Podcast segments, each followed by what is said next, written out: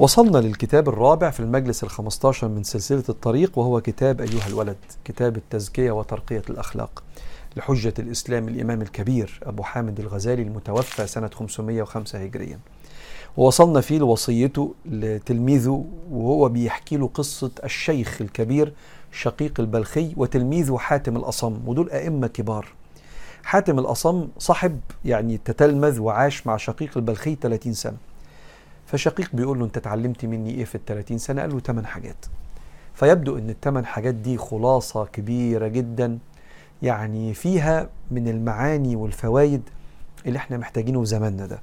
المرة اللي فاتت خدنا الفايدة الأولى والمرة دي هناخد الفايدة الثانية قال الإمام الغزالي رحمه الله ونفعنا الله بعلومه وعلومكم في الدارين آمين.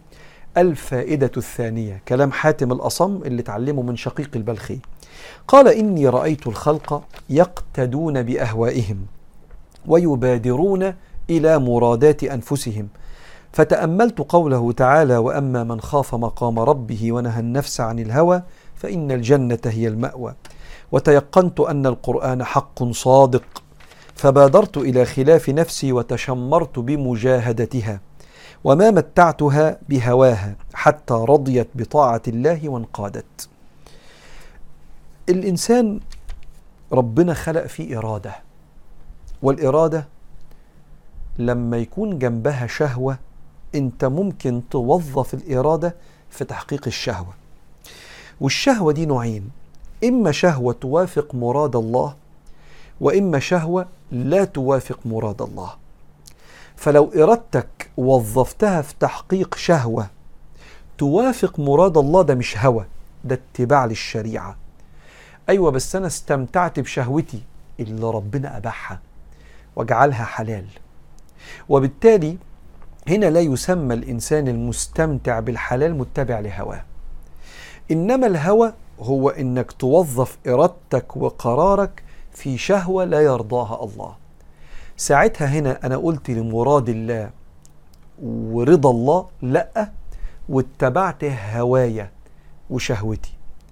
عشان كده ربنا سبحانه وتعالى قال يا داود إنا جعلناك خليفة في الأرض فاحكم بين الناس بالحق ولا تتبع الهوى. آه. وهنا لما ربنا قال في الآية في سورة آه النجم قال إن يتبعون إن إلا الظن وما تهوى الأنفس. ولقد جاءهم من ربهم الهدى فحط الهدى في كفة وما تهوى الأنفس في كفة عكس الهداية. وده يفهمك إنك أنت في وقت من الأوقات دايما بيبقى عندك اختيارات. إما إنك أنت تختار مراد الله حتى لو ما يرضكش لأن ساعات الإنسان بيبقى عايز يكذب عشان ينتصر في نقاش ويسرق عشان يجيب قرش يلبي بيه احتياجاته. ويعتدي علشان ينتقم قال يعني بيسترد حقه. ويعمل حاجات فيها شهوات لكن فيها اتباع للهوى.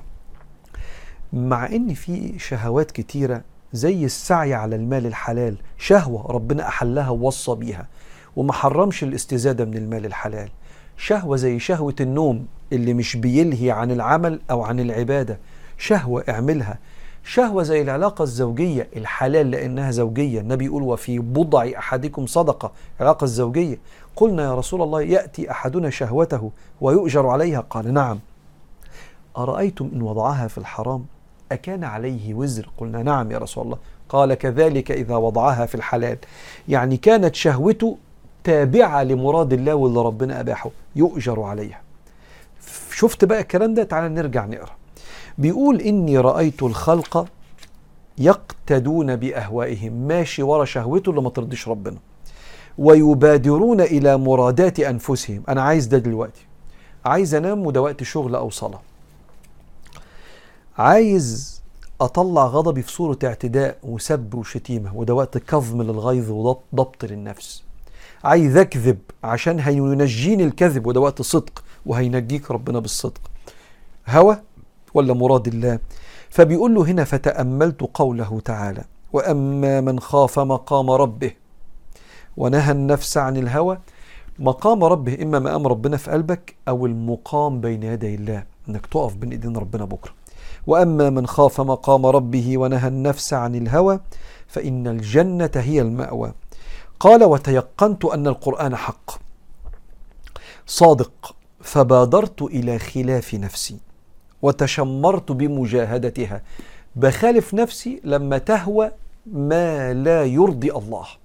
فكأني مش بربي عند نفسي عضلات أنا عايز. إلا اللي أنا عايزه ده يبقى ربنا كمان يريده.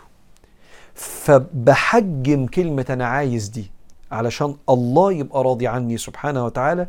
لما يكون مرادي ما أريد هو ما يريد. قال فتيقنت أن القرآن حق صادق فبادرت إلى خلاف نفسي.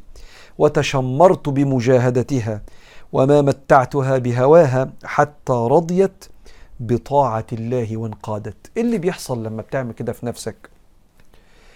يوم ورا يوم نفسك بتبقى لذتها في إرضاء الله.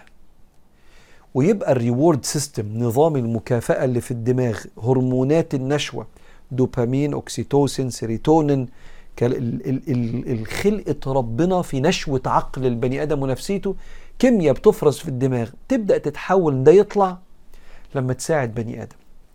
ترجع تعبان من الشغل الحلال لما تصلي ركعتين لما تقول الصدق في موضع لا ينجيك إلا الكذب لما تكسب في رياضة بتحافظ بيها على جسمك وتحافظ بيها على وقتك وتبعد بيها عن الانحراف كلها صار الإنسان فرحته في رضا ربنا.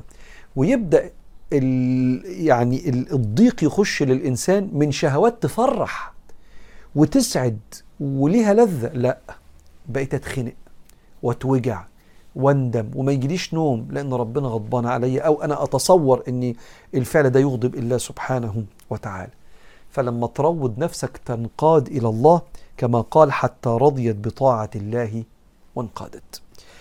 دي كانت الفايدة الثانية من كتاب آه، أيها الولد للإمام الكبير حجة الإسلام الغزالي ونكمل المرة الجاية إن شاء الله في المجلس ال16 من سلسلة الطريق.